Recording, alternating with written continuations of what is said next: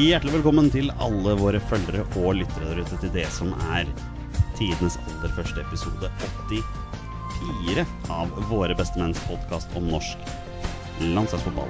Mitt navn er Jonny Normann Olsen, og med meg her i dag der har jeg deg, Torstein. Torstein Bjørgo. Rabagassen fra Raufoss Mm. fant fram til Frognerparken uten GPS denne gangen. Ja, tenk på det. Det er ikke verst. Det er ikke så lett for deg å finne veien hit. Nei, det er ikke så greit. Men eh, heldigvis så har jeg noe som kan hjelpe meg på telefonen innimellom. Eh, Ja. Men i dag så gikk det på automatikk, faktisk. Ja, Du går jo av på Majorstua T-bane Yes. og skal prøve å finne fram til Frognerparken. Mm. Ja. Og det var en vanvittig utfordring sist. Nå huska jeg så vidt at jeg hadde Colosseum til venstre for meg, så da, da skal det gå fint. Vi sitter jo her i dag fordi vi har med oss storfint besøk. Vi har med oss en dag, men før vi kommer så langt, må jeg bare snakke om Bare nevne kjapt at ditt kjære Liverpool gjør fortsatt det de kan for å skape spenning Ja, eh, van Dijk og Alison bestemte seg for det å gjøre det litt mer spennende enn nødvendig. Eh, Hvorfor plukker han ikke opp den med hånda? Det var det første jeg tenkte òg. det er nok eh, miscommunication der. Eh, så er det vel ganske svak heading fra van Dijk òg. Eh, det er Det er det. Ja, og det er en duell mellom forsvarsspiller og angrepsspiller, så jeg skjønner for så vidt alle sånne, men eh, jeg har vært litt eh, Ja, vi har ikke vært bortskjemt med gode keepere i Liverpool, i hvert fall. Så jeg er litt sånn der, eh, nølende enda til alle sånn, om det er, eh, om det er det der. Men eh, det redda seg inn med et straffespark. Men dere har jo en god keeper. Såpass ærlig må Ja da, bedre enn i fjor. Eh, Det er det vel ingen som helst tvil om. Bedre enn på gud veit hvor mange år. Peperena er vel Ja, siste. du, du var en av de som likte han, ja. Ja, Og han er jo spansk. han er spansk. Så det er jo en fin Segway inn til, inn til dagens gjest. For Torstein, det er jo Spania-Norge på lørdag. Det er den største utfordringen i Lars Lagerbäcks eh, landslagshistorie siden Tyskland-kampen borte. Ja, Og vi husker jo alle hvordan, hvordan den gikk. Mhm. ja. Og når vi først skulle snakke om Spania, så er det jo kun én mann vi kunne ha med oss. Ja. Og siden Petter Hermansen dessverre ikke kunne stille i dag, så måtte vi få tak i en annen Petter. Og dagens Petter han jobber jo i Viasat Sport, sannsynligvis Norges største levende leksikon på spansk fotball. Og han er en del av dette trehodede monsteret vi nå kjenner som eh, La Liga Loca. Det er deg, det, Petter Wæland. Hjertelig velkommen. Tusen takk. Er det lov å kalle dere for et trehodet monster? Det er vel det fineste noen har kalt oss for. Å, Så det må være lov. Så du tar det som et kompliment? Ja. Er du da det midterste hodet, eller er du på en av sidene? Uh, nei, Magnar er jo ordstyrer, så han må være i midten. Og så er det to løse kanoner eh, på hver side av han. Ja, det er Magnar Kvalvik som styrer dette her. Ja, det er det. Og så driver meg og Jonas Giæver og krangler litt, og så har vi jo Magnar i midten da til å holde oss uh, i ørene. Hvordan, uh, hvordan kom denne podkasten til? Den kom faktisk eh, Ja, artig at du spør. Eh, Den kom faktisk til eh, på en nattklubb i Malaga. Eh, Selvfølgelig. Ja, eh, hvorfor ikke? Eh, I mai 2018 blir vel det, da. Ja. Da snakka meg og Jonas godt ned i glasset om at vi skulle ha en sånn Deadline Day-sending som vi skulle streame på Twitter via Periscope i den fotballbua som jeg har hjemme. Ja. For da var vi litt lei av at uh, spanske og italienske og tyske og franske fotballoverganger ikke fikk sin plass i hierarkiet når andre kanaler kjørte sine Deadline Day-sendinger. uh, og ja, noen måneder seinere så satt vi i studio hos Moderne Media og kjørte denne livepodkasten og syntes at dette var sabla gøy, og så ble det til La Liga Loca. Og når kom Magnar Kvalvik med på dette showet her? Eller var han med fra starten av? Nei, han ble med dagen etterpå. Da, Ja. da ringte vi han og spurte om han hadde lyst til å holde oss i ørene. ok. Og nå ja, var det han som er primus motor? Han styrer showet. Han styrer showet. Han styrer showet, ja. Ja. Så han er litt sånn min rolle da i Våre bestemenn, kan vi si det sånn? Riktig, Ja, det er jeg riktig. styrer showet, og du og Petter er på mine, Ja. på mine sider, kan Mm. vi si det sånn. Ja. Petter, du har sikkert svart på dette, her, men jeg må bare spørre, for jeg, jeg er litt sånn fascinert over det. Hvor kommer denne lidenskapen for spansk fotball fra?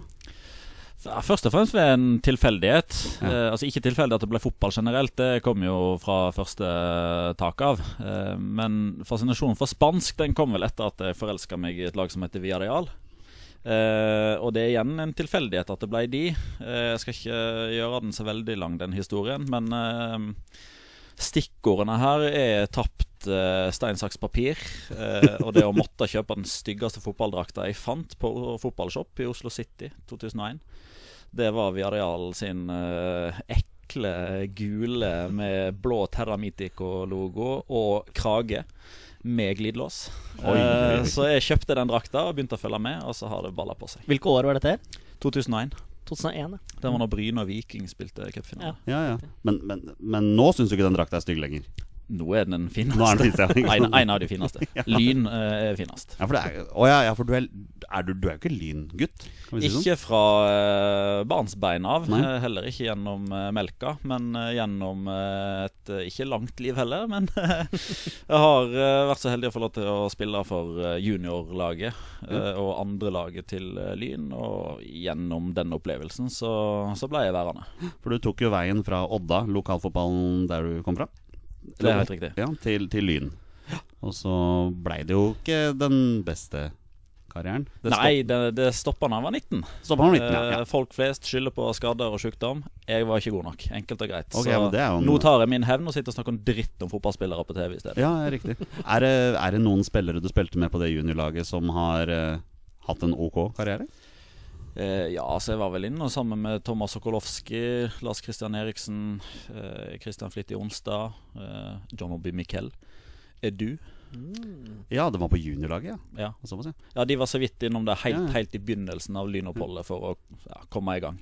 Christian Onstad han har vel vært innom Raufoss blant alle de 100 klubbene Han han har vært innom Raufoss og vært eh, kast eh, rimelig fort utad. Så da vi Ja, riktig. Ja. Ja. Må jo ha spilt for gud veit hvor mange klubber, han. Ja, han har vært eh, litt ja. rundt omkring. Ja. Mm. Måtte innrømme at jeg sjekka La Liga-tabellen her. Jeg ser at ditt kjære Villarreal de kjemper med nebb og klør for å unngå nedrykk her. Ja, eh, hadde du eh, spurt meg for et par uker siden om hvordan det hadde gått, så hadde det jo stått enda verre til. For da lå de under streken. Så Ja. nå, nå er det jo glade dager, for nå er de over streken. Ja, Men Europaligaen, da? Europaligaen, ja, så lenge det ikke er spansk motstand på Ja. andre sida, så går det fint. For det, altså, f nå vant de jo sin sjette La Liga-kamp nå mot Rayo Vallecano på, eh, på søndag. Men eh, før det så hadde de altså like mange seire i La Liga på 27 kamper som de hadde i Europa League på 10 kamper. Jøss, hva er det som har skjedd? Hva er det som har snudd?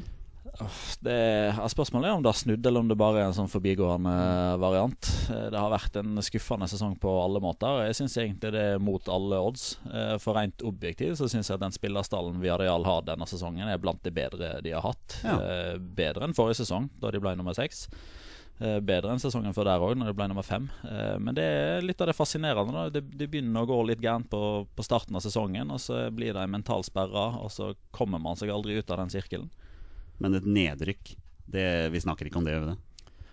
Det sa folk i 2011-2012 òg. Og da Ja. endte jeg opp med å stå på direktesendt TV og sende favorittlaget mitt ned. Det må ha vært så utrolig vondt.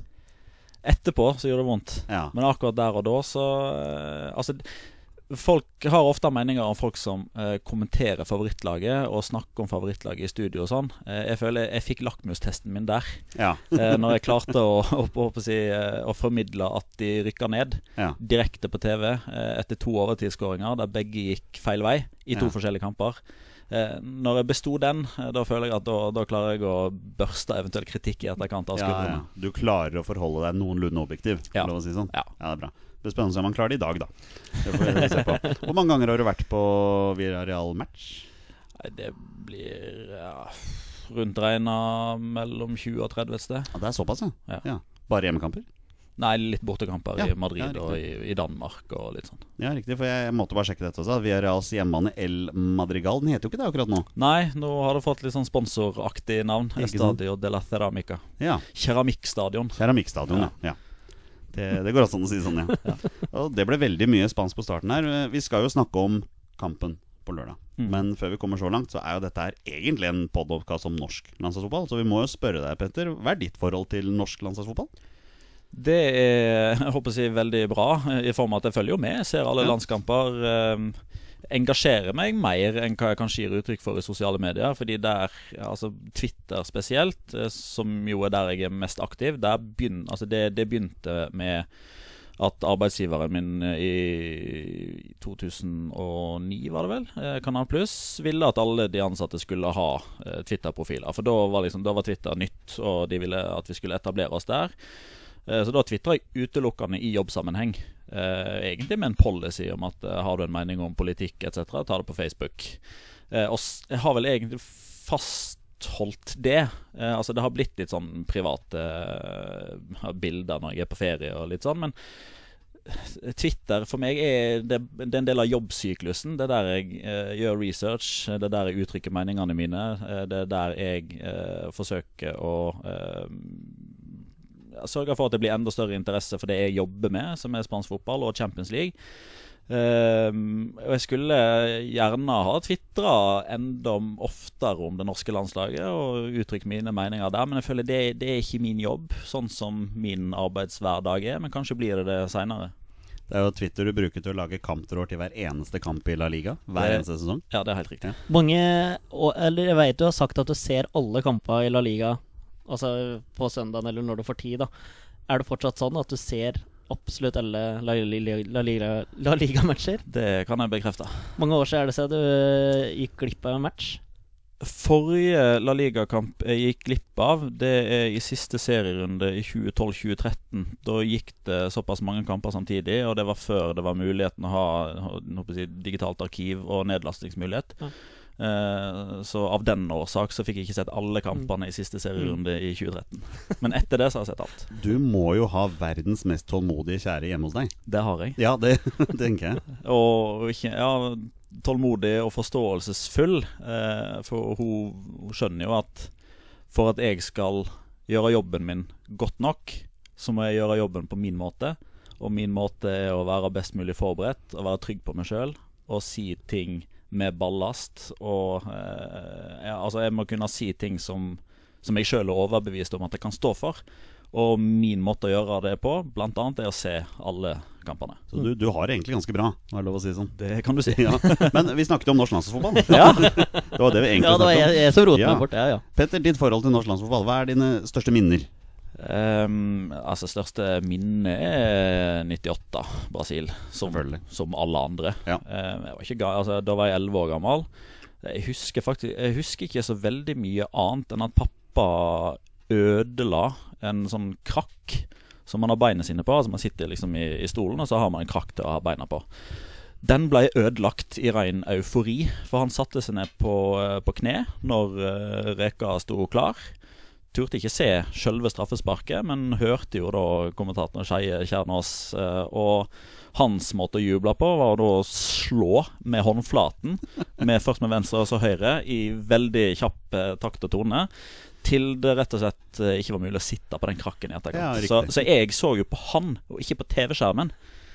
Så hvor, hvor det straffesparket endte, det måtte jeg vente til reprisen for å se. da Det er liksom det, det, er det store. da. Ja, det er det store. Det er ikke rart sånne minner sitter klistra. Nei, det er uh, sånne som du husker nesten uansett hvor gammel du er. Ja, hvor var du på Norge-Brasil? Var på uh, ja, rundkjøringa på Raufoss, kunne jeg nesten si. Uh, og så naboen klikka i vinkel. Jeg var seks år, så jeg husker ikke sånn altfor mye. Men jeg husker bare at han det er, det er helt vanvittig hvor det liksom går rundt. Da, og da er det helt sikkert noe alkohol inne i bildet òg. det er liksom det, det er minnet som sitter fast. At eh, Kurt Huse han eh, hadde en liten runde med, med en ja, seiersdans, eller hva man skal kalle det, inne, inne på eh, Ja, kan kalle det et lokalhus. da. Ja. Altså, det er sånn at 14 år gamle Jonny her Han fikk lov til å sykle fra Torshov ned til Karl Johan. Så du var med på feiringa? Ja, ja, jeg var med. En liten korttur der, men det var så mye mennesker. Så det var, det var, det var helt liv. Det var helt leven. Jeg tror dessverre ikke vi aldri får oppleve noe sånn igjen. Med mindre vi slår Spania på, på lørdag, da. Men ehm, hva med dagens landslag, Petter? Hva, hva tenker du om det? Jeg tenker at det har jo heldigvis bedra seg, da. Eh, og så er vel eh, Altså Sannheten ligger vel et sted midt imellom de, eh, de som er mest positive og de som er kritiske. Altså Det står ikke så dårlig til som enkelte vil ha det, men det er heller ikke så bra som enkelte vil ha det til. Nei. Fordi man sammenligner jo med det som var, og det som var, var jo skrekkelig dårlig. Men det er godt å se at det går i riktig retning. Eh, men så må jo jeg innrømme, og det er jo en helt ærlig sak Hver enkelt person har jo sin mening når man er fotballinteressert med hva som er fin fotball, og hva slags fi- fotballfilosofi man har, hva man foretrekker. Jeg er ikke så veldig fan av den fotballen man, eh, man spiller i, på, på det norske landslaget per 2019, men det går i riktig retning. Ja, men eh, hva Spiller vi ikke den fotballen vi må få til med det spillematerialet vi har? Eller tenker du at vi kanskje kunne spille på en annen måte? Altså, eh, Det er jo en litt større diskusjon enn hva A-landslaget gjør Ja, vi skal ikke ta, i, vi skal ikke ta 2019. hele det nå, nei. Nei da, det gjør ikke det. Men altså, jeg, jeg, for, jeg forstår Lars Lagerberg. Han er ansatt for å gjøre en god jobb for A-landslaget. Eh, Så det er vel kanskje måten man har tenkt på sånn helhetsmessig og systematisk de siste 10-15-20 årene, med hvordan ønsker man å spille fotball i Norge, og er det en rød tråd fra U-landslag opp til A-landslag. Men i et såpass prestasjonsbasert og resultatorientert klima som det norske A-landslaget er, så skjønner jeg at Lars Lagerbäck kan skvise den safta som han kan få ut av den sitronen han har fått levert. Eh, og da er det gjerne eh, det som vi holder på med nå, da, som må til. Eh, men, men på sikt så håper jeg at man kan endre litt mentalitet. Og Lars Lagerbäck er jo nettopp som du sier Han har henta inn for å skaffe resultater. Og det, det er det som det står for. Og han har jo vist det. resultater med andre landslag før. Kommer jo og tar over et landslag som på en måte allerede er ferdig med VM-kvalifiseringen i 2017, så hele det året blir jo bare en test. 2018 er jo et veldig bra landslagsår. Det er meget bra. Si det sånn. Resultatmessig så er det et av de beste, om ikke det aller beste, med tanke på antall kamper og poengsnitt. og- Ikke sant? Jeg vet at det er mange som er litt kritiske til motstanderne vi spilte mot, sånn, men det er en grunn til at vi var på, i divisjon C i Europa League. Ja. Eller Nations League. Ja, og der tenker jeg altså Jo, men uh, i løpet av 2018 så spilte man mot de lagene man spilte mot. Ikke sant? Man kan ikke gjøre det bedre eh, i de kampene enn det man faktisk gjorde. Og slo jo både Australia og Panama, som skulle til VM. Det er klart det Panama-laget viste seg dessverre å ikke være helt kvalitet, da, men, men det ble seier i den kampen også. Ja. Men nå er jo da 2019, og nå er det denne kvalifiseringen, da. Og det er nå vi virkelig får se hva Lars Lagerbäck, som du sier, klarer å skvise ut av den eh, saften her. Men hvis vi bare ser litt vekk fra Spania-kampen, for vi skal akkurat snakke om det nå. Tror du Norge klarer å kvalifisere seg til EM gjennom dette gruppespillet? Ikke gjennom gruppespillet, men jeg har veldig håp om at det går gjennom Nations League-playoffen. Så vi må bare heie på at Serbia går direkte til EM. Ja, det tror jeg de gjør òg. Ja, for det snakket vi om. Ja. At det er sannsynlig at de Ja. gjør. Ja. Men uh, Spania vinner gruppa. Såpass ærlig kan vi være. Ja, Ja. Logikken tilsier det. Ja. Og Hvis Norge ikke tar den andreplassen, hvem tar den da? Nei, da er det jo uh, disse på østre sida her, da. Sverige. Ja. Dessverre. Ok, Så du tror ikke Romania kommer seg foran? Eh, nei, altså jeg tror vi Altså I utgangspunktet så syns jeg den eh, rankinga i gruppa på forhånd samsvarer greit med potten man ble trukket opp ifra. At det er Spania, Sverige, Norge, Romania, Færøyene, Malta. Mm.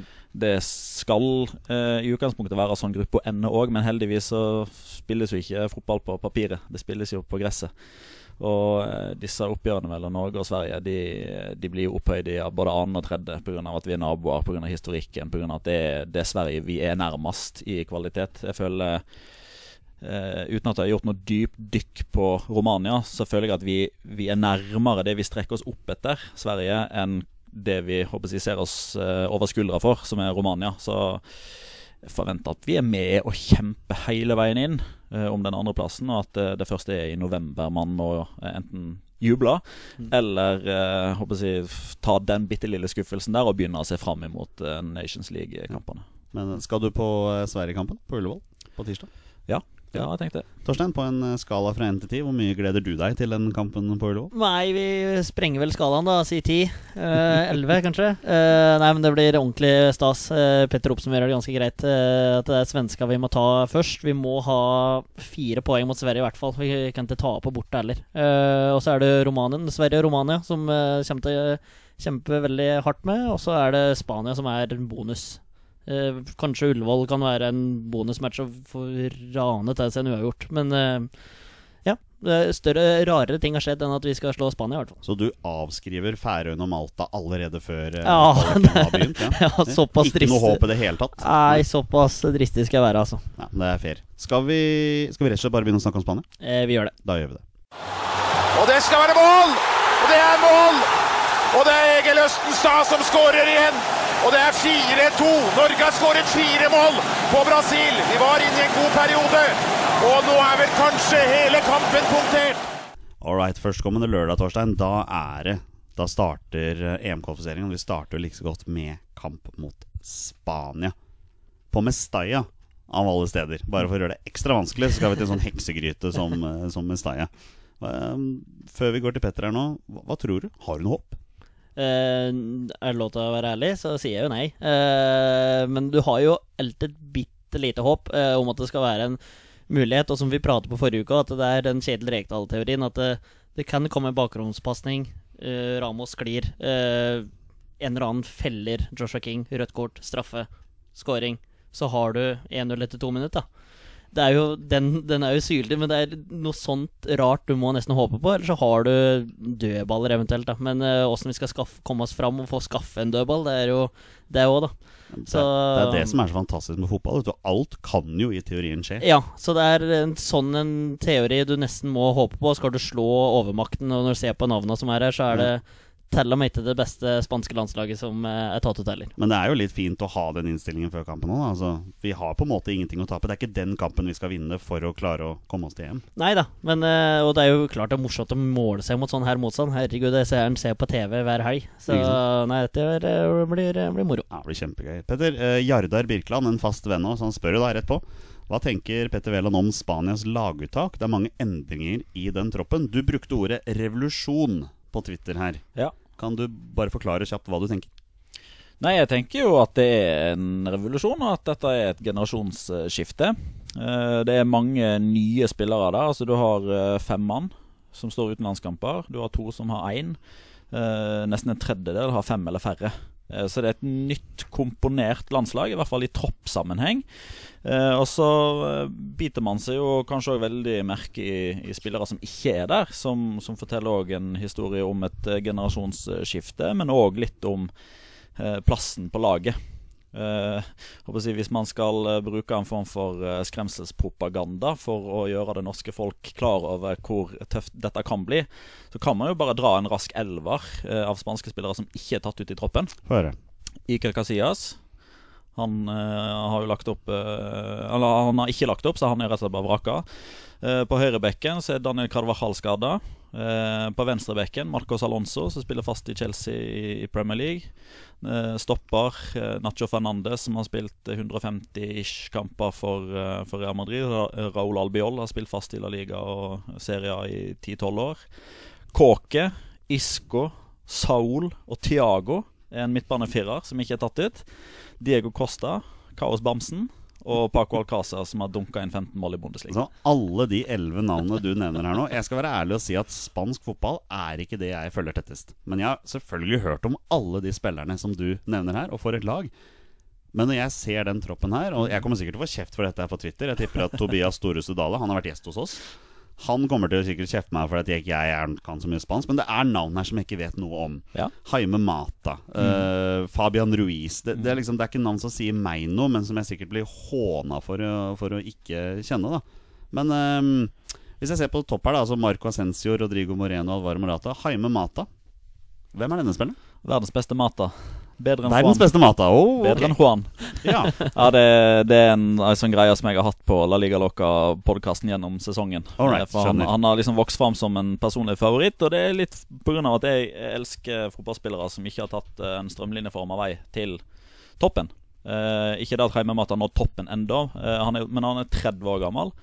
Eh, han spilte sin første La Liga-kamp i august. Eh, for ti år siden så var han en del av et lag som ble kjent eh, i, i Spania fordi man ved avspark i en kamp på nivå fire, så, så stelte de seg opp på linja og trakk ned shortsen og sto i bare trusa. Og på de forskjellige trusene så var det et kontonummer, altså elleve siffer. Elleve spillere med hver sin siffer på, på bakenden på trusa, fordi de hadde ikke fått betalt. De trengte å få penger inn for å betale eh, lønn, eller for å betale lån og for å forsørge seg sjøl og, og familie. Det var altså ti år siden. Eh, og i løpet av de ti årene så har han spilt for åtte forskjellige klubber på alle slags nivåer. eh, og nådde altså La Liga i en alder av 29, eh, og nå er han 30 og er tatt ut i alderslagstroppen for første gang. Wow, det er jo helt fantastisk. Men jeg ser jo disse navnene som er borte. Hva er det som gjør at disse kjente navnene er vraket, og at disse nye spillerne har kommet inn? Dels generasjonsskifte. Mm -hmm. Jeg tror eksempelvis toget er liksom i ferd med å forlate perrongen for Javi Martinez, eh, Cæsar Aspilicueta, eh. Um, Javi Martinez, eh, som sagt, eh, spillere som, som har vært med ganske lenge. Som har vært liksom en sånn 16.-17.-18. mann i troppen. Eh, Der nåværende landslagssjef Luis Henrique ser en større verdi i å ha inn unge spillere. eh, I en form for sånn eh, transformasjon av hvordan troppene blir tatt ut. Men så har du jo òg spillere som Isco, som Kåke, som Saul, Tiago, som helt åpenbart er gode nok.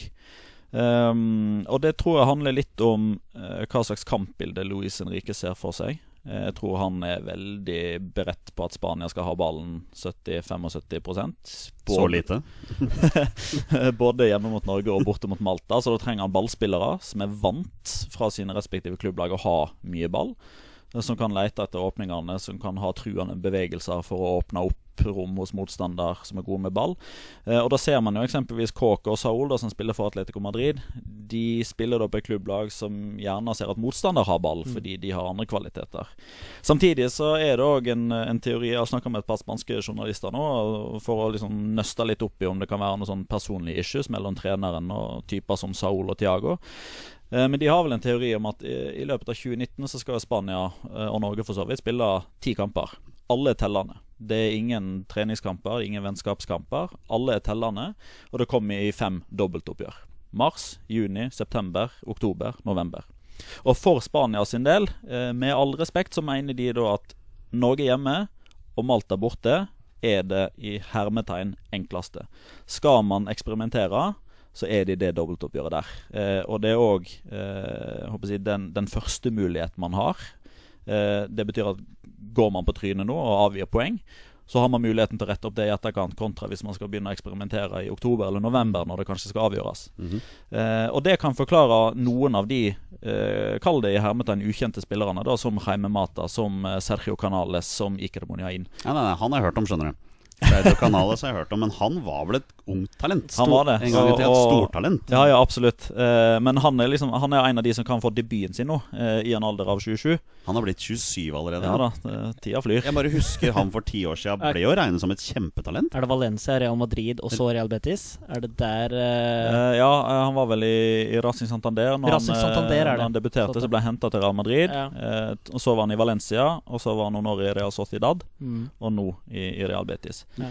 Men, men han, er liksom, han er en av de formspillerne i La Liga. Sånn akkurat i nuet eh, så er det fire-fem mann her som normalt sett ikke er med i landslagstroppen, men som er i sin beste form i karrieren, som nå får muligheten.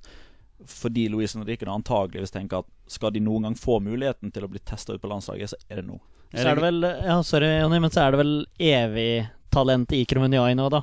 Som har vært supertalent, som var 16 år. Akkurat å nevne at han står her uten landskamper, altså. Ja, det er uh, ganske sprøtt. Men det, jeg tenkte bare på en ting. Eh, Isco har jo ikke fått spille noen ting under Solari.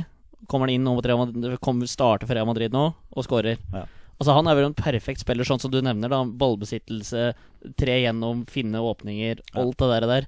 Men er det pga altså, for lite spilletid at den ikke er tatt ut, tror du? Ja, eh, det er litt vanskelig å vite eksakt hva som er årsaken, fordi Louis Henrique har en policy på eh, at han ikke kommenterer spillere som ikke er i landslagstroppen. Okay, ja. eh, så han har ikke kommet med liksom, sin grunn, noe som Lagerbäck ofte gjør. Altså hvorfor ikke Ødegaard med i troppen? Nei, fordi han har ikke de kvalitetene som vi trenger. Han har U21-landslaget har mer nytte av han. Eh, Louis Henrique derimot svarer, han svarer aldri på spørsmål om spillere som ikke er der, men, men det er jo den logiske slutningen med at eh, han har har ikke vært i sin beste form. Uh, har sittet mye på benken, uh, like mye på tribunen. Uh, og den troppen her ble jo tatt ut offentliggjort dagen før Isco da spilte mot Celta Vigo og skåra mål. Uh, men skulle det komme en, en skade på, på, på, trening i løpet av uka, så, så tipper jeg at Isco er ja. veldig høyt oppe på erstatterlista. Sergio Ramos har jeg bare lyst til å ta et par ord om. Denne meget populære midtstopperen som alle er så glad i rundt om i hele verden her. 161 landskamper. Stemmer det. Og hvor gammel har han blitt nå? Han er jo født i 85, ja, er han ikke det? Ja. 33, da. ja. Og 161 landskamper. Det, det er et helt sjukt tall. Ja, det indikerer at Spania har gått langt i noen mesterskap. Ja, det, det begrenser hvor mange kvalikkamper og treningskamper man ja. kan få. Eh, på den troppen som du har nevnt her, så ser jeg det er noen tall på sida. Jeg vil tro at det er seriekamper for klubblag. Ja, det er inneværende sesongs ja. stats. Så Sergio Ramos har elleve skåringer som midtstopper. Hvis man da legger til de fire han skåra for Spania høsten 2018 i Nations League, så han har 15 mål. Ja, ja. En mann vi må passe oss for på dødballer, tydeligvis. ja, men det, den, den, tror jeg de er rimelig klar over. Ja. En uh, farlig mann. Men det som er interessant med den troppen her, da, uh, det er jo at uh, jeg regner jo med at eh, fra, fra denne gruppa her ble trukket og fram til troppen kom nå, så har jo Norge med og Lagerbäck og analyseteamet og assistenttrenere hatt en formening om, om, hvordan troppen kom til å se ut, og de har gjort sin research og gjort videoanalyse og lagt en plan. Altså kontroll A og slett når den troppen her kom. altså begynn på nytt. Ja, de har veldig mye å gjøre nå på, på Ullevål fram til dette her. Vi har fått noen spørsmål her. John Håkon Nybakk, vi må bare rett på dette, Petter, og nå skal du være dønn ærlig med oss. Hvor stor sjanse er det for at Norge vinner eller tar poeng mot Spania? Um, altså Hvis man ser på hvor bookmakerne har lagt seg, og de pleier jo ofte å ha peiling, så, så antar jeg at de anslår at muligheten for hjemmeseier ligger et sted mellom 85 og 90% Ja, det var vel nesten det jeg tenkte. Så en 10-15 muligheter ja. for at vi tar poeng. Det skal være klasseforskjell så til de grader, ja, det, det, det skal jo det. Uh, Men vil du si at det er 6-0-klasseforskjell? Sånn som det var mellom Tyskland og Norge i 2017? Nei. Eh, Nei. Det er av to årsaker. Eh, nå har Lagerbäck jobba veldig mye mer i forkant av denne kampen enn hva tilfellet var før den tysklandskampen. Der hadde man en, en inngang på kampen som jeg ikke tror man kommer til å ha nå. Um, ikke minst kvaliteten på det som blir gjort ute på banen av norske landslagsspillere, er bedre nå, fordi Lagerbäck har gjort en god jobb som landslagssjef. Uh, og Spania er heller ikke et lag som veldig ofte skårer fem-seks mål.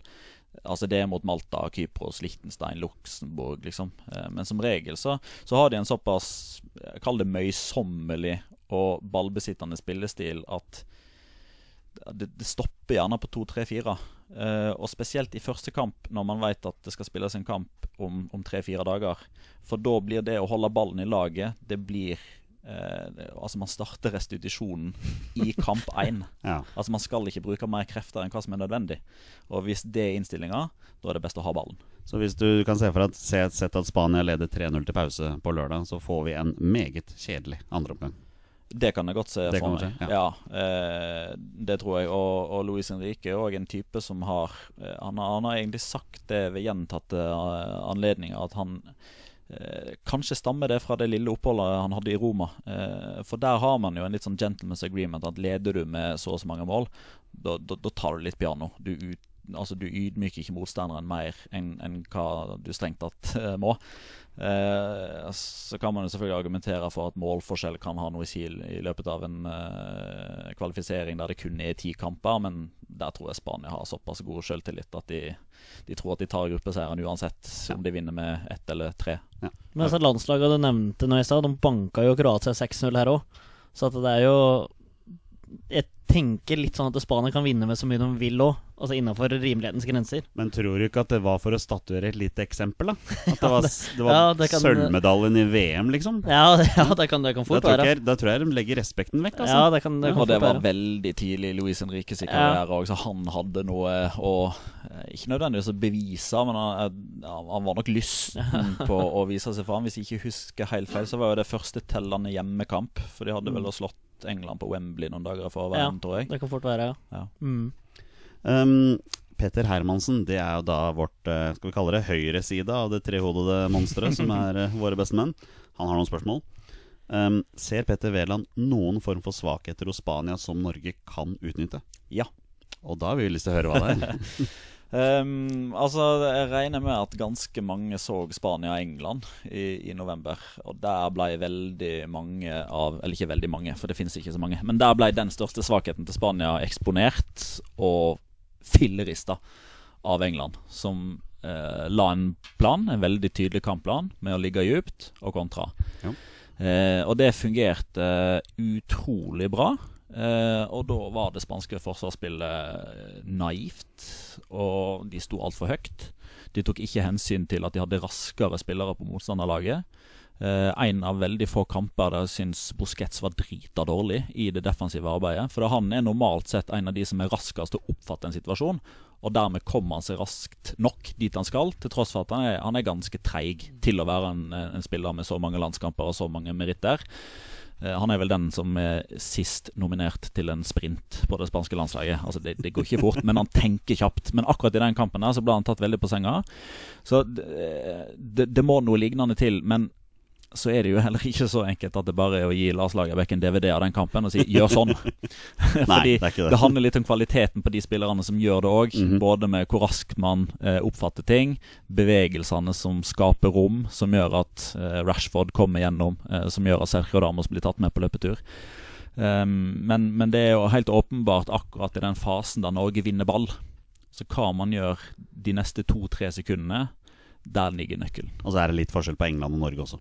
Såpass ærlig må være. Ja, ja, det er det. Men, Men uh, um, hvis at Norge skal begynne å kontre, da. Mm. Det er kanskje det vi må satse på. Lars Lagerbäck er jo en fyr som er veldig glad i å stille med en stor spiss og en liten spiss. Mm. Um, kanskje det er best å starte med to små? Ja, jeg, jeg håper jo på Tariq og Joshua King. Ja. Uh, Siden Fredrik Gulbrandsen ikke er med? Ja, ikke sant? Alt, ja. Fredrik Gulbrandsen hadde vært veldig fin å ha. Ja, hva, hva, tenker du da, Torstein? Du er veldig glad i Ja, jeg prat, prøvde å prate inn Fredrik Gulbrandsen helt jeg kan, men, uh, men, han hadde vært helt suveren her. En ja. plugg, altså. Så han hadde vært uh, veldig, veldig fin å ha her, men uh, jeg er litt enig jeg, altså, jeg er enig med Petter at jeg, jeg og det har lyst på to små, Tariq og Joshua King, men jeg frykter jo at det kommer en stor, sterk bamse Alexander Sørloth og Joshua King. Og hva skal Alexander Sørloth bidra med Nei, i en da, kamp som dette? Da må jo han i så tilfelle være det oppspillspunktet som gjør at eh, alle Sami, eh, Omar, eh, Håvard, eh, Stefan, hvis han starter At når man vinner ball, så slår man blindt opp eh, og har avtatt et bevegelsesmønster med Sørloth hvis han starter. At hvis, hvis ballen er på vår høyreside, så trekker du litt over mot venstre, sånn at de alltid vinkler inn i banen. Sånn at Sørloth kan ta duellen med Inigo Martinez eller Sergio Ramos, legge igjen, og så kommer bevegelsen fra King. Ja. Eh, som, som, jo kommer til å være vital for Norge sine poengmuligheter. Så duellen i kampen blir Sergio Ramos mot Alexander Sørloth, altså?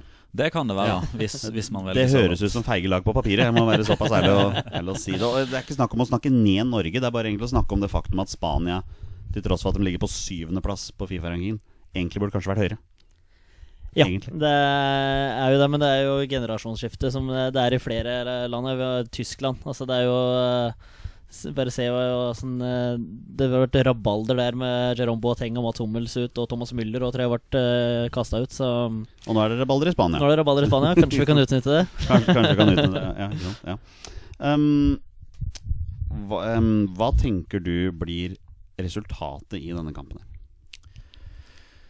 Um, Altså, eh, All logikk tilsier at det ender med hjemmeseier, men om det blir 1-0 eller 3-0 eller 4-1 eh, det, det, kommer litt an på hvordan kampklimaet er. Um, og hvor ærgjerrig Norge blir i det øyeblikket man eventuelt slipper inn det første målet. Mm -hmm. det, det, tror jeg blir nøkkelen. Altså, hvis man slipper inn det første målet, da får man en veldig stor mental test. Ja. Eh, fordi noe av det som gjør at man av og til får overraskelser i fotballen, det er jo dette med eksempelets makt, og det at du kan se på sidemannen og tenke at dette her kan faktisk gå veien. Og hvis man får mange nok gode sånne opplevelser i løpet av den første halvdelen av første omgang, at man vinner dueller, man stenger om, man sklir ballen ut på, på, på sidelinjen, man banker ballen opp på tribunen, og man får en liksom fandenivoldsk eh, kollektiv feeling om at dette skal vi F med klare da kan tro flytte fjell, men hvis det sprekker tidlig, da kommer det kanskje litt sånn snikende tysklandsfølelse om at ai, dette har vi vært med på før. Eh, og man skjønner liksom at ok, nå blir det 70-80 minutter med ryggen mot veggen der vi kun skal begrense. Da er det vanskelig å, liksom, å, å løpe den ekstra meteren som skal til. Men Tyskland gikk jo ut i 200 mot Norge. Tror du Spania kommer til å gjøre det samme? Nei, jeg tror egentlig ikke det. Um, litt fordi man, man, har nok en respekt for Norge og de resultatene man har fått i 2018. Uh, eh, respekt for Joshua King, som skårer såpass mye som han gjør i Premier League. Um, og, og kjenne til hans kvaliteter, hans tempo. Um, så jeg tror, jeg tror, Spania tror at de er mest tjent med å bare spille en, en helt vanlig Spania-kamp, der det blir møysommelig fra side til side, forsøker å tre gjennom.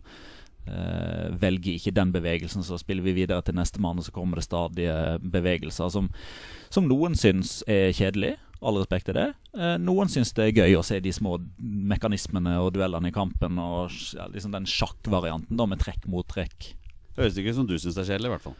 Jeg syns jo det er fryktelig gøy, da. Ja, men, men, men, men jeg kan òg synes, synes det kan være fantastisk morsomt å se lag som Atletico Madrid og Juventus. Jeg setter pris på den fotballen som blir gjort 100 gjennomført. Og Ja. det å se en kampplan og hvordan man gjennomfører det, da, da er ikke det nødvendigvis så viktig for meg om det er 3-5-2, eller om det er Tiki Taka, eller om det er Eller om det er soneforsvar, eller om det er gjennombruddshissighet. Altså, god fotball setter man pris på, men det er jo den tekniske eh, finessefotballen som egentlig står hjertet mitt nærmest. Men det er det som er så fantastisk med fotball. Sånn som Torstein, at Det er jo ikke noen fasit på fotball. Det er noen fasit hvordan man kan Nei, spille. nei. Men jeg syns det er litt interessant. Syns, ser du det samme taktiske grepet fra begge lag når du kommenterer, eller ser du det best når du sitter hjemme i sofaen og ser på? For du har jo kommentert noen matcher òg. Sånn, altså Noen matcher, ja. noen, noen matcher. Men syns du at du får et lettere grep om matchen når du ser det på TV-en, eller når du, når du kommenterer? Det er vel, altså Hvis jeg bestemmer meg for å sette meg ned og se, se en fotballkamp, da er det lettere å legge merke til sånne små ting. Eh, hvis man har en, te, en kamp på i bakgrunnen, og man sitter i sosialt lag, da skrur liksom av den modusen, for da blir jo Viggo borti sofakroken, som ingen får kontakt med. Det er jo ikke noe poeng. Eh, men når jeg kommenterer, så da, da mister jeg litt av den dimensjonen. Og det er egentlig fordi jeg syns at hovedoppgaven til en fotballkommentator er å, eh, å følge spillet og komme med litt historier iblant, sånn at man har en sånn todelt variant, og ikke nødvendigvis bli den som skal vite absolutt alt om spiller. Det er derfor jeg er så fan av å høre fotballkommentering der man har hovedkommentator og sidekommentator, der man har den klare fordelinga. Sånn som f.eks. For, for, for Viasport sin del, da Roar Stokke og Lars Kjernås. Mm. når man, og eh, Øyvind Alsaker og Petter Myhre i TV 2. Jeg syns, syns det er veldig mye bedre enn når man kun er én. Eh, Men så er det jo budsjettspørsmål og alt dette her, da. Som jeg har Du sitter stort sett alene, du. Jeg sitter stort sett alene. Eh, jeg har hatt eh, Kan hende jeg glemmer noe nå, i så fall hvis du hører på og blir glemt. Sorry. Uh, Hassan El Fakiri har hatt som sidekommentator, og Lars Kjernås. Ja. Og, og det er jo liksom fascinerende hvordan man angriper samme roller på to vidt forskjellige måter. Ikke sant? Og begge to er bra. Vi skal, uh, Tida begynner å renne fra oss, så vi skal legge kampen vekk nå. Men det, Tom Freddy Aune har jeg òg. Okay, der har vi noe. Det er viktig å nevne. Um, men Petter Hermansen har to ting han vil jeg skal spørre om deg. Jeg kommer til å bli halshugga som et trehodet monster, som det er, hvis jeg ikke spør om dette her. Det er en mann i troppen til Norge. Mm. Han er Real Madrid-eiendom.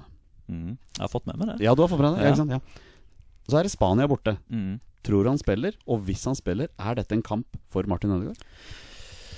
Om han spiller eller ikke, er opp til Lars Lagerbäck. Og jeg tror ikke Lars Lagerbäck eh, tar vurderinger på det grunnlaget om vedkommende eh, tilhører heimene i en tropp. Nei, men se nå dette fra et supportersyn, da. Jeg vil at Martin Ødegaard skal spille Ja. enhver landskamp. For jeg mener at han er den beste norske fotballspilleren, sammen Mhm. med Rune Jarstein. Ja. Eh, og de er ikke konkurrenter, for å si det sånn. de kan spille sammen. Um, og jeg føler jo at dette er en kamp der Martin Ødegaard bør starte. Ja. Av den enkle årsak at hvis, hvis man velger elleve spillere som skal gjøre alt de kan for å holde nullen, kan, da kan det hende at man holder nullen, men da blir man automatisk så defensivt orientert at da blir man til slutt bare kvelt. Da kommer man seg ikke unna. Man- må ha én eller to spillere som kan eh, gjøre ting med ball, som gjør at man kjøper seg litt mer tid. Som gjør at man ikke alltid blir jagende etter ball, men, at man kan holde ballen i laget òg. Um, og så er det også sånn at jeg, jeg ser for meg at kampscenarioet er at Spania har ballen veldig mye. Mellom 70 og 80% på, på det verste. Mhm. Eh, der Norge blir trygt bak. Eh, Forsvarsfireren ligger ca. på 16. En stram firer 5-6-7 meter foran der igjen. Eh, Joshua King og enten Sørloth eller, eller Tariq godt inne på egen halvdel. Eh, og, og, og når man da vinner ball, for det kommer man jo til å gjøre Man kommer til å ha veldig mange ballerobringer og gjenvinninger i løpet av kampen. Men da må man ha noen som gjør at man klarer å gå fra å være 80 meter fra motstanderens mål til faktisk å komme seg opp i skåringsmulighet. Og da er Martin Ødegaard en spiller som har pasningsfot til å spille gjennom King. Eh, han har teknikk nok til å holde på ballen, som gjør at man Altså, Er det én ting man ikke skal gjøre mot Spania, så er det å miste ballen rett etter at man har vunnet den sjøl. Da kan du like gjerne bare ta rennefart og skyte den ballen i eget mål. For da har man tre sekunder ekstra på å hente det inn igjen i bakkant. Ikke sant? Så Spania bare kommer seg rett på. Ja, og det, og det er det Altså, Spania vil primært to ting. De vil spille seg gjennom i området mellom back og stopper for å få en 45 grader ut igjen. Altså typ Veldig mange sånne mål har Manchester City eh, skåra de siste årene. Der man har en, eh, en back eller en kant som starter bredt, som spilles gjennom og slår ut på løp, enten på spiss eller indre løper. Det vil de ha. Eller så vil de ha brudd på brudd. Og det, det er ganske ofte nå under Luis Henrique så ser man at Spania tar litt mer risiko i pasningsspillet på siste tredjedel. Ikke nødvendigvis fordi man plutselig har blitt bedre til å slå de pasningene. Man har en høyere feilprosent. Men bare le legg merke til hva de gjør i det nanosekundet de skjønner at den ballen den blir snappet opp av en nordmann. Alle inn i samme sone og sørge for at de skal ikke komme seg ut av denne situasjonen her med, med ball. Enten så skal vi få den tilbake inn i form av at de bare kelker ballen ut, og, og, og, og vi får kast og begynner på nytt. Eller så vinner vi ballen i ekstremt farlig område og skaper målsjanse. Det høres ut som vi har noe å glede oss til lørdag, Ja. Men dersom Martin Ødegaard spiller fra start, ja. da har man den spilleren som gjør at han, han klarer å løse den situasjonen der. Fordi Martin Ødegaard han har eh, en sånn type utfordring hver helg han spiller for Vitesse. Mm. Fordi der veit motstanderen at er det én mann man skal ta ut, er det én mann man skal unngå å få rettvendt mot seg, så er det Martin Ødegaard. Mm, og akkurat sånn kommer Spania til å tenke Mm. Akkurat det klimaet som han kommer til å eventuelt spille i på lørdag, det er han vant til. Mm. Så er det driver med ball òg, som kan fraktes over mange meter, når du får disse kontringsmulighetene, da, til sant? eventuelt stikke gjennom Yes. en av disse supergutta. Um, Zinedine Zidane er tilbake, han. I, eh, I Real Madrid. Ja. Er det bra eller dårlig for Martin Ødegaards videre karriere i Madrid? Um, Dine tanker? Altså, det er, jo, det er jo i hvert fall ikke negativt. Nei. Uh, det er det ikke, fordi Zidane kjenner Ødegaard fra før av. Både personlig, uh, litt privat uh, og sportslig. De har et forhold til hverandre, eh, og det forholdet er bra. Ja. Eh, hadde det kommet inn en helt ny en, så hadde Ødegaard starta på scratch. Da hadde han kommet tilbake igjen til sommeren eh, og vært en spiller som uh, den eventuelle andre Real Madrid-treneren selvfølgelig hadde hørt om. For det, det, det gjør man jo når man, når man følger med. Man vet hvem som er under kontrakt. Men han hadde ikke hatt noe forhold til han i det hele tatt. Hadde starta helt på bar bakke, helt på scratch. Uh, men det er ikke dermed sagt at jeg kan sitte her og si at det er en fordel. Fordi det, det er så mange andre omstendigheter som spiller inn. Det kommer til å skje enormt mye i Real Madrid til sommeren. Det er grunnen til at Zidane er tilbake igjen. Det er fordi han har fått viljen sin nå. Nå er det mange spillere som er ferdig i Real Madrid. Som jo gjør at det åpner seg muligheter. Eh, Det må jo andre spillere inn. Men, men for å være helt ærlig eh, Martin Ødegaard står ikke øverst på den agendaen eh, i det spillerlogistikkmøtet. Det skjønner jeg. Det er på side to eller tre. Men hvis du skulle sagt ja eller nei, at det er positivt eller negativt for Ja. Martin, så hadde du gått på positivt. Ja. Eh, siste spørsmål nå før vi går videre. Eh, hva er Petter Wæland sine tanker om Sander Berge og Sevilla? Uh, er, er, det, er det noe fortsatt der? Er det fortsatt en aktuell overgang? Ja, det er det. Ja. Uh, Sevilla er, sånn som jeg har forstått det, sammen med Roma og Tottenham, uh, den klubben som har fulgt han tettest og lengst. Eh, de har vært i loopen hele tida. Eh, Sevilla er blant klubbene som har lagt inn bud på, eh, på Sander Berge. Det veit jeg at de har. Det ble, dessverre, syns jeg, eh, ikke akseptert av Genk i sin tid. Um, og jeg Det som har skjedd i etterkant, er jo at Sevilla bytta sportsdirektør. Uh, ikke bare én gang, men tre ganger. Uh, fra Monchi til Oscar Arias. Fra Oscar Arias til Joaquin Caparros. Og for to dager siden fra Joaquin Caparros til Monchi, Ja, som nå er tilbake igjen. Ja, for de som sitter og krysser fingrene for at Sander Berge ender i Sevilla, så er det godt nytt. For Roma meldte seg på i det øyeblikket Monchi ble ansatt der. Ja. Så, så Monchi som sportsdirektør liker, liker Sander Berge veldig godt. Men, men den interessen som starta med Monchi, den ble opprettholdt gjennom hele, eh, hele perioden. Selv om det ikke var han som var sportsdirektør i Sevilla lenger. Altså klubben Sevilla, president, eh, sportsdirektør eh, det sportslige apparatet har hele tida hatt en formening om at Sander Berge er veldig spennende. Og han står på lista der. altså. det gjør han fortsatt. Men tror du det hadde vært en bra overgang for Sander Berge? Um, ja. Uh, altså Hvis det er ja eller nei, så er det ja. Mm. Uh, men der òg er altså det er veldig mye det er veldig mye menn der òg. Det. det er et veldig solid steg opp. Jeg tror han er kapabel til å ta det. Basert på, på det øynene mine ser av Sander Berge. Basert på de testresultatene han har. Som ikke nødvendigvis går på, på fotball, men, men, men, på det fysiske. Han er jo et fysisk monster, denne gutten. Eh, som gjør at han, han har et fortrinn kontra veldig mange andre, med tanke på at han er såpass stor, men allikevel såpass mobil. Han forflytter seg raskt fra A til B og er duellsterk og, og er flink med ballen. Uh, og Sevilla er jo en klubb som er veldig flinke til å utvikle. Uh, hente for én sum og selge for en enda større sum til en enda større klubb. Og jeg har jo eh, snakka med Sander sjøl, uh, ikke direkte, men gjennom podkasten La Liga Loca. Og han er jo veldig begeistra for spansk fotball i utgangspunktet. Men det, det, er mange om beinet. Ja, men, han må, men, han må, komme seg videre fra Genk nå til sommeren. altså Ja, Han skal bare vinne ligaen med dem først, ja. skjønte jeg. Ja. ja. Enkelt. Keeper blir stengt, og det er skåring. Det er skåring, og Ståle Solbakken, som ikke har skåret før denne kampen, gjør sitt andre mål. Og Norge leder 3-0, og det er ikke gått ett minutt av andre omgang. All right, folkens. Vi begynner å nærme oss slutten. Vi skal ta en runde med noe jeg gleder meg til, nemlig gjestens beste menn. Men før vi kommer så langt, så har Torstein Børgo mast seg til å spørre om en ting her. Ja, jeg har det. Fordi at uh, i uh, 2016 så er jeg ivrig gutt på Twitter. Og så skriver jeg til uh, en herremann som heter Petter Wæland. Uh, skriver Brendan Rogers tar over Valencia til sommeren. Usannsynlig, men kult hvis det blir rett. Du hørte det her først, så tagger jeg Petter Wæland. Han svarer som han gjør med alle. Eh, det kan jeg vedde veldig mye penger imot, svarer Petter Wæland. Så svarer jeg igjen. Han var ansatt innen 20.07. Hvis ikke skylder jeg deg 200 kroner. Er det en deal? Eh, greit, du får 500 av meg om det skjer, svarer Petter Wæland. Eh, og så svarer han igjen. Du kan betale det ut i øl om vi treffes en gang. så svarer jeg da. Eh, den er god. Hadde vært stas, det. Lykke til med 24-timerssendingen. Eh, takk, svarer Petter Wæland. Så som eh, sagt, så gjort, så har jeg vært på oi, oi, oi. kjøpt en liten uh, Peroni til uh, Petter Wæland, som han kan kose seg med når han uh, skal se på Spania-Norge, da, f.eks. Kan bare si det her og nå til alle lyttere at Petter Wæland har blitt overrakt en Peroni her. Da. Så Torstein står for det han ja, da. Ja. Jeg, jeg, elsker folk som står uh, for ja. det de melder. For denne her regner med at du har glemt for lenge siden. Ja, ja, ja. og dette er uh, overrekkes i en barnehage. Det, ja, det var kanskje ikke så heldig, det, det får bare være. Den er, ikke, den er ikke åpna ennå, da. Nei. Hvor ofte får du sånne ting som dette her? Nei, Det er ikke ofte. Nei, det er bra. Nei. Kanskje vi får den på gjesten en annen gang òg. Ja, ja, ja, nå må vi kjøpe noe vin. Det er tross alt en hjemmekamp i, i høst også. Riktig.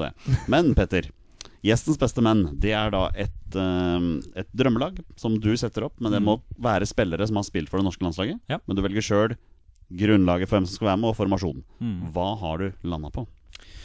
Uh, du, uh, i mål Jeg er jo for Odda. Så da veit du kanskje hvem jeg har. Hva er det, Torstein? Nei, Er det Grodås, eller? Nei, det er Håkon Oppdal. oh, ja, Håkon. ja, selvfølgelig er det Håkon Oppdal. Det, er, det er Hornindal. Det er litt lenger nord. Åh, oh, det der var uh, stryk. Still going strong i Brann. Ja, han er det. Uh, det, det har jeg ikke noe valg, selv om det, det, var, det var litt tungt for tolv år siden. Du hadde fått høre det hvis du ikke hadde tatt den? Uh, ja, Hvis han hører på dette, så hadde jeg fått høre det. Det, vet jeg ikke om han gjør. sånn uh, altså på høyrebekken, det er en uh, som, som, spiller på landslaget på søndag Nei, på lørdag, forhåpentligvis. Omar El Abdelawi. Skeidgutten Omar El Abdelawi. Han har jeg veldig, veldig sansen for. Ja. og er jo òg Jeg vet ikke om det er barndomsvenn eller om det er ungdomsskolevenn med min gode venn Jonas Giæver. Ja. Um, Der er du. Altså, jeg stopper uh, par. Uh, og høres ut som jeg er blod Manchester United-fan. Det er jeg ikke, men det er Henning Berg og Ronny Johnsen. Ja, men den skjønner jeg. Jeg er med på den. Uh, det var liksom to av de største på den tida der jeg, når jeg vokste opp og ble ordentlig interessert i ja, ja. fotball. Så for min del så, så, står de to veldig høyt. Og Henning Berg har jo òg jobba med. Jobba i presseavdelinga til Lyn når han var hovedtrener der. Ja jeg husker forresten at jeg fikk beskjed fra mediesjef i Lyn, Joakim Wester Andersen, grytidlig en Jeg tror det var tirsdagsmorgen om at uh, jeg måtte komme opp på kontoret. Eh, for det var breaking news på gang. Oi, oi. Eh, problemet da var at jeg hadde reist eh, til Vestlandet uten å gi beskjed. Eh, oh, så nei. jeg lå jo da i, eh, i, i ei campingvogn på Kyrping eh, langs Åkrafjorden. Og prøvde liksom å forklare ham at det, da må du vente seks timer, for det tar seks timer å kjøre.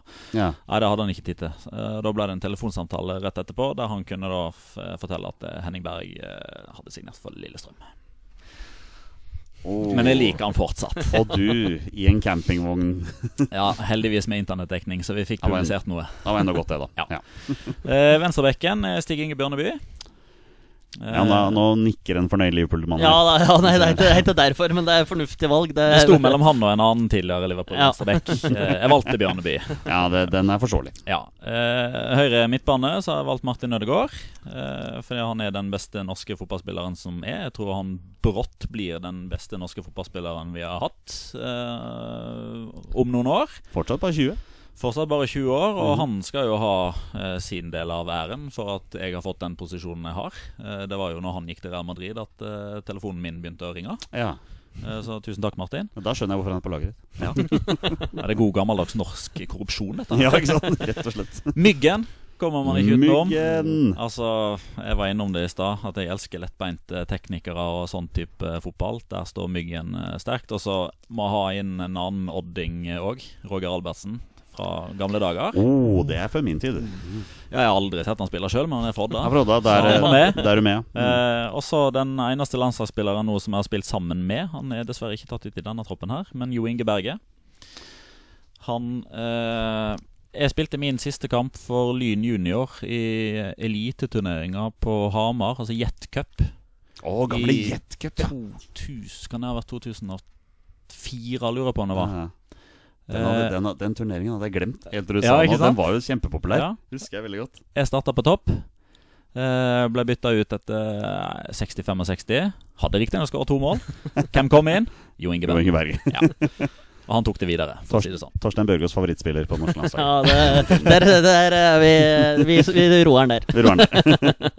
der og så hadde det jo Jeg tror vel kanskje jeg hadde fått passet mitt inndratt om ikke Solskjær hadde vært på drømmelag eh, per eh, mars 2019. Og Tor André Flo. Og Tor André Flo. Ja. Ingen Jon Carew. Han var veldig, veldig nærme. Ja, jeg tenker Han har jo spilt i Spania og. Jo, men da måtte jeg liksom ha hatt med Knut Ola Rinderøy og Sigurd Russfeldt og Frode Grode og Dan Eggen, Og, da. Dan Eggen og Ja, det er sant. Ja. Det er laget, De er altså. på benken, de, da. Ja, ja, det, Ja, ja, ja, det får Til og med Christian Christer George på er på benken. benken, da. Daniel Moen han Nei, han debuterte vel aldri på Nei, det tror jeg aldri han gjorde. Nei. Veldig veldig kult lag. Og, det, og som, dette er dine personlige favoritter? Ja. Det klart det. Ingen logikk, eh, ingen sammenheng. eh, Kun elleve Nei, men det laget her hadde gått til VM. Det er uten tvil. Vunnet VM. VM.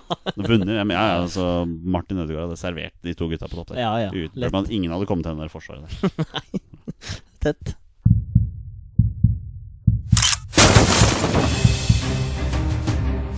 Er han nåværende landslagsspiller? Er han utenlandsproff? Er han fortsatt aktiv? Er han back? Har han spilt for Rosenborg? Mine damer og herrer, det er nå tid for 20 spørsmål. All right, mine damer og herrer, det er på tide å avslutte dagens fantastiske pod vi har hatt med Petter Wæland. Men før vi kommer så langt, så må vi selvfølgelig ta en runde 20 spørsmål på slutten her. Torstein, du er jo den rutinerte i gamet her i forhold til 20 spørsmål. Petter Wæland har aldri spilt 20 spørsmål før. Altså Han har sikkert spilt formen 20 spørsmål en eller annen gang i sin liv. Nei. Men nei, ikke det engang. Nei. Dette blir veldig spennende. Reglene er som følger, Petter. Du og Torstein har 20 ja- og nei-spørsmål på å komme fram til en spiller som jeg har valgt, som har minst én A-landskamp for Norge. Og bonusregelen er at når dere først heter navnet på en spiller, så er spillet over, og dere har vunnet eller tapt. Men dere kan for så vidt diskutere navn dere imellom. Mm. Det er ikke farlig, men når dere stiller meg et offisielt spørsmål med navn, så er det over. Skjønner. Har du et konkurranseinstinkt? Ah, Det er faktisk skuffende dårlig. Torstein, du har jo konkurranseinstinkt. Ja, så jeg- jeg går for to. begge. Ja. Okay, ja. Da spiller vi 20 spørsmål. Vær så god. Yes. Uh, gjesten må jo få starte. Gjesten må få starte. Første spørsmål. Åpningsspørsmål der. Det er okay. uh, eh, Er det en midtbanespiller? Ja. Se her, klink med en gang. Bare å fortsette og finne ut, finne ut om det er. Nei, men det, om det er sentral eller kant, er jo For du kan telles jo som midtbanespiller eh, i boka her. Ja, og da teller vi jo posisjonen den spilleren spilte på landslaget. Ja. Kanskje det er klart for deg. Mm. Ja. Hva tenker du? Eh, er det sentral midtbanespiller? Ja. Eh, har han vært utenlandsproff? Ja. Å, Dæven. Eh, er han fortsatt aktiv? Nei. Om han er mest kjent for karrieren sin i utlandet, eller? For å finne ut om vi skal Det blir subjektivt spørsmål, blir det ikke det? Ja, kanskje. Ja, men du, du, den har du tatt før, da. ja. Så jeg prøver å svare Ja. objektivt på sånne ting. ja. Ok. uh, er han mest kjent for karrieren sin i utlandet? Nei. Da har vi en uh, norsk herremann her. Ja, det har dere. Det, det kan jeg garantere. ja, men jeg tenkte ikke sånn norsk ja, fotball. ja, ja. Greit. Nei, men da er det tippeliga eller eliteseriemann da som har lagt opp. Lagt Vi må, vi må oppsummere litt her, så vi henger med. Og sentral midt. Og sentral midtbanespiller. Ja. Spilte han øh, Har han spilt for mer enn én norsk klubb? Ja. Hmm. Jeg og Petter Hermansen er jo veldig glad i å finne farger på denne drakta her. Det er dere. Eh, og om det er en nåværende eliteserieklubb, er jo òg litt eh, greit å få Mm. klarhet i. Eh, er det en nåværende eliteserieklubb? Nei. Fordi at jeg har jo en liten teori om at hver gang vi har en gjest, så er det noe med en link til Mm. tidligere klubb som gjesten har eventuelt vært i eller hatt noe med å gjøre. Uh, Så nå jeg- tror jeg vi tenker i samme bane her om Ja. Hvem, hvem Ja. tenker du på da? Jeg tenker jo eh, Lyn. det er jo klart at eh, det her er jo fryktelig fristende å spørre, men Petter, du kan få lov til å gjøre det hvis du er eh, enig med meg. Har, har vedkommende spilt for Lyn? Nei. Da fikk vi eh, Ja. For å si det sånn, eliminert det. jeg har i tidligere podder hatt en link til en spiller, men, men det har Torstein her løst for lenge siden. Ja. Så jeg har slutta med det. Du har okay. med det, ja. Så morsom du er, da, gitt. Uh, greit, men da er det Men, men nå veit dere om det, da. Ja, Ja. det er ikke en nåværende eliteserieklubb, og det er ikke Lyn. Nei. Det er helt sant. Ja. Uh, skal lure oss ned til Obos, da? Men uh, det er jo hvor denne spilleren her er mest kjent for karrieren sin. Eh, spurte jeg om det Jeg spur- spurte rett om det, men er denne klubben denne spilleren er mest kjent for, Ja. spiller den nå i Obos-ligaen? Ja, Det var bra du skjønte hva jeg mente. ja jeg syns du har godt formulert det. Du har lært av Petter Hermansen. Hvem er det vi har da? Vi har mange. Men da, er, da, da har vi jo mange. Men da er, jeg regner med at han er mest kjent for å ha spilt i Eliteserien da. Mm. Så det er en gammel eliteserieklubb. Ja, og da har vi jo Start. Eh, vi har Sandefjord. Men det er Start som er eh, mest eh, Det er da. Det er ganske mange klubber Altså For en Skeidmann altså, er det ganske mange klubber i Obos-ligaen i år som har vært profilert i Ja. De siste åra. Altså. Uh, og Fredrikstad kan vi jo utelukke. Uh, altså, hvilke lag er det vi har med gule drakter? Selvfølgelig Raufoss. Uh, Start. Ullkisa. Mm. Det flere jeg glemmer da? Kunne spurt om noe geografisk, da. Om du holder til i en viss landsdel. Vestlandet. Østlandet, Vestlandet. Kjør på. Uh, er denne klubben tilhørende Vestlandet? Nei. Det er ti spørsmål, så der er det halvveis. Halvveis. Er den tilhørende Østlandet? Nei. Vi begynner å nærme oss eh, at det er start. Da begynner vi å nærme oss start, altså. Ja. Skal vi kjøre på. Er eh, denne klubben vi snakker om, er det Start? Ja. Greit. Sentra midtbanespiller. Altså Myggen peker seg jo fort ut. ja, han er jo eh, Han er jo mest kjent for eh, For han hadde vært utenlandsproff. Og Men han var ikke mest kjent for det. Uh, vil du si at uh, den nasjonen, eller en av nasjonene han har spilt for i utlandet, eh, er det å karakterisere som Syden? Oh, um, altså Jeg skulle nesten fått en uh, begrunnelse på hva som er Syden her, da. Men ehm, Typisk ferieland som ligger sør for okay. Tyskland. dette blir Altså, for meg, da. Syden, det er mer sånn Det er mer sånn Spania og Italia og sånne ting, da. Ja, for jeg tenker Hellas. Hellas. Og, og, ja, ok, Vi kan ta med Hellas òg. Ja, Og da er svaret mitt nei. Da er svaret nei. da er det ikke Myggen. Da er det ikke Myggen. Men Det kan jo være noen i Tyrkia, da, for vi, i og med at vi ikke tok med Ja. Nei, det, det ville falt under eh, Syden. Det ville også falt under Ja, det ville falt under okay. Syden. ja. Absolutt. Ja. Ok, sentrum- og Det midtbanespiller. er mulig jeg kommer til å få kjeft for denne her seinere. Ja, vi får se. Eh, Harald Lødemel er jo en uh, god eh, herremann. Uh, han fikk så mange landskamper. ja, det er akkurat det. Uh, så han er jo utelukka der. Skal vi se Start sentral midtbanespiller. Altså, Det kan ikke være Strømstad eller Hestad. Altså Kristoffer Hestad kan det fort være. Og i Wiggen, blant Ja, men Han er ikke mest kjent for karrieren sin i Wiggen. Nei, men han er jo mest kjent for karrieren sin i Start. Ja. Så det kan fort være han. Er det du mener? Det kan være han, men Ja. uh, vi kan jo uh, forsøke å eliminere han eller nærme oss på et eller annet vis. Ja. Fredrik Strømsø har vært i Danmark. Mm. Kristoffer Reise storspilte mot Italia den matchen husker jeg på Ullevål.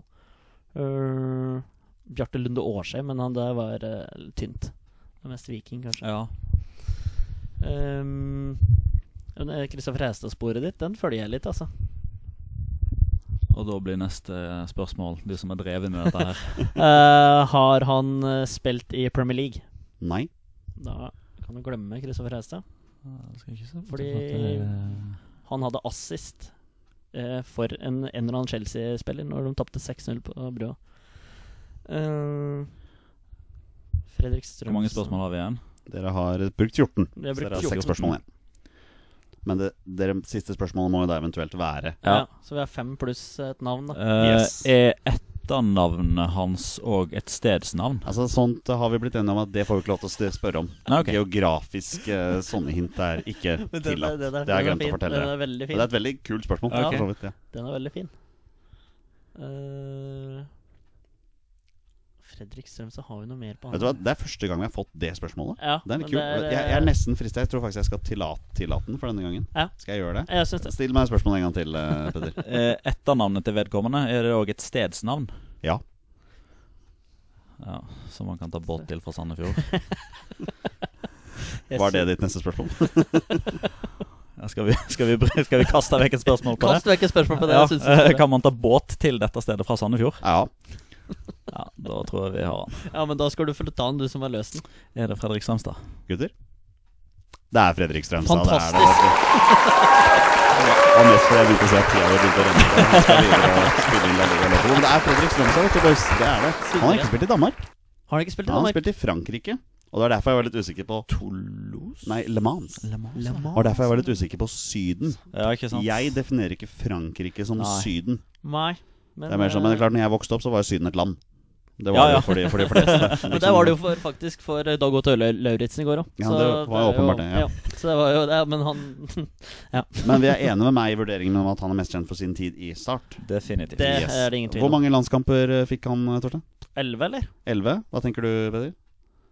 14? Han fikk 17. Ja. da. Eh, Nærmest, da. To mål på landslaget, og det ene så jeg på Ullevål. Han skårte med huet.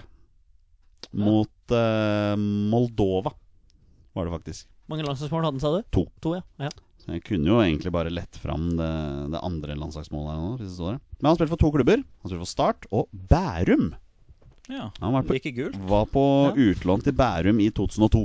Ja. Utover det så har han kun spilt for Le Mans og Start. da Ja. Så det er en veldig artig spiller. Ja. Ja. Eh, Hadde, hadde, hadde, alltid sansen for den spilleren. ja, men det er bra sentral midtbane Start hadde når de holdt på å ta seriegullet da. Ja, det så faktisk den der Tines kamp-dokumentaren på TV2 her forleden fra den kampen. Ja, den er fin. Den er helt sjuk. Ja. Altså. Ja. Torkelsen som har draget, det var Ja, ikke Ja, ja, ja. Torkelsen, ja. Det er klart, når du er, når du er Skeid-supporter og har Tom Nordli som trener, så er Ja, den, er- ja, den, er, den er fin, altså. Petter, vi skal la deg få lov til å gå nå. Eh, tusen hjertelig takk for at du stilte opp. Takk for at jeg fikk komme. Det har vært hyggelig. eh, utrolig kult, og du har klart å gjøre meg enda mer redd før kampen mot Spania på, på lørdag. Men det er klart, dette blir gøy. Ja. Altså, det blir jo spennende. Ja, jeg fikk litt trua på det, faktisk. Når du nevnte eh, svakheten i gåseøynene til Spania. Det er klart Hvis vi tar ledelsen 1-0 når Alexander Sørloth knuser Sergio Ramos sin hodeduell der og header fram eh, Joshua King, så skal jeg tenke på deg, Petter Veland. Ja, men du vet at eh, Langt utspill fra Jarstein. Sørloth knuser Sergio Ramos. Martin Ødegaard plukker andre ball. Spiller gjennom Joshua King. 0-1, og så lukker vi sjappa. Ja. Og så lukker sjappa Helt og taper bare 2-1. Neida. Petter, tusen takk for at du kom. Vært en fornøyelse. Takk for at jeg fikk komme. Petter, du, nei, Petter Torstein, du har kost deg. Jeg har storkost meg, faktisk. Right, det er helt suverent. Det er bare å avslutte som vi pleier. Vi er våre bestemenn. Heia Norge. Hei, Norge! Heia Norge! Og Hei. hei.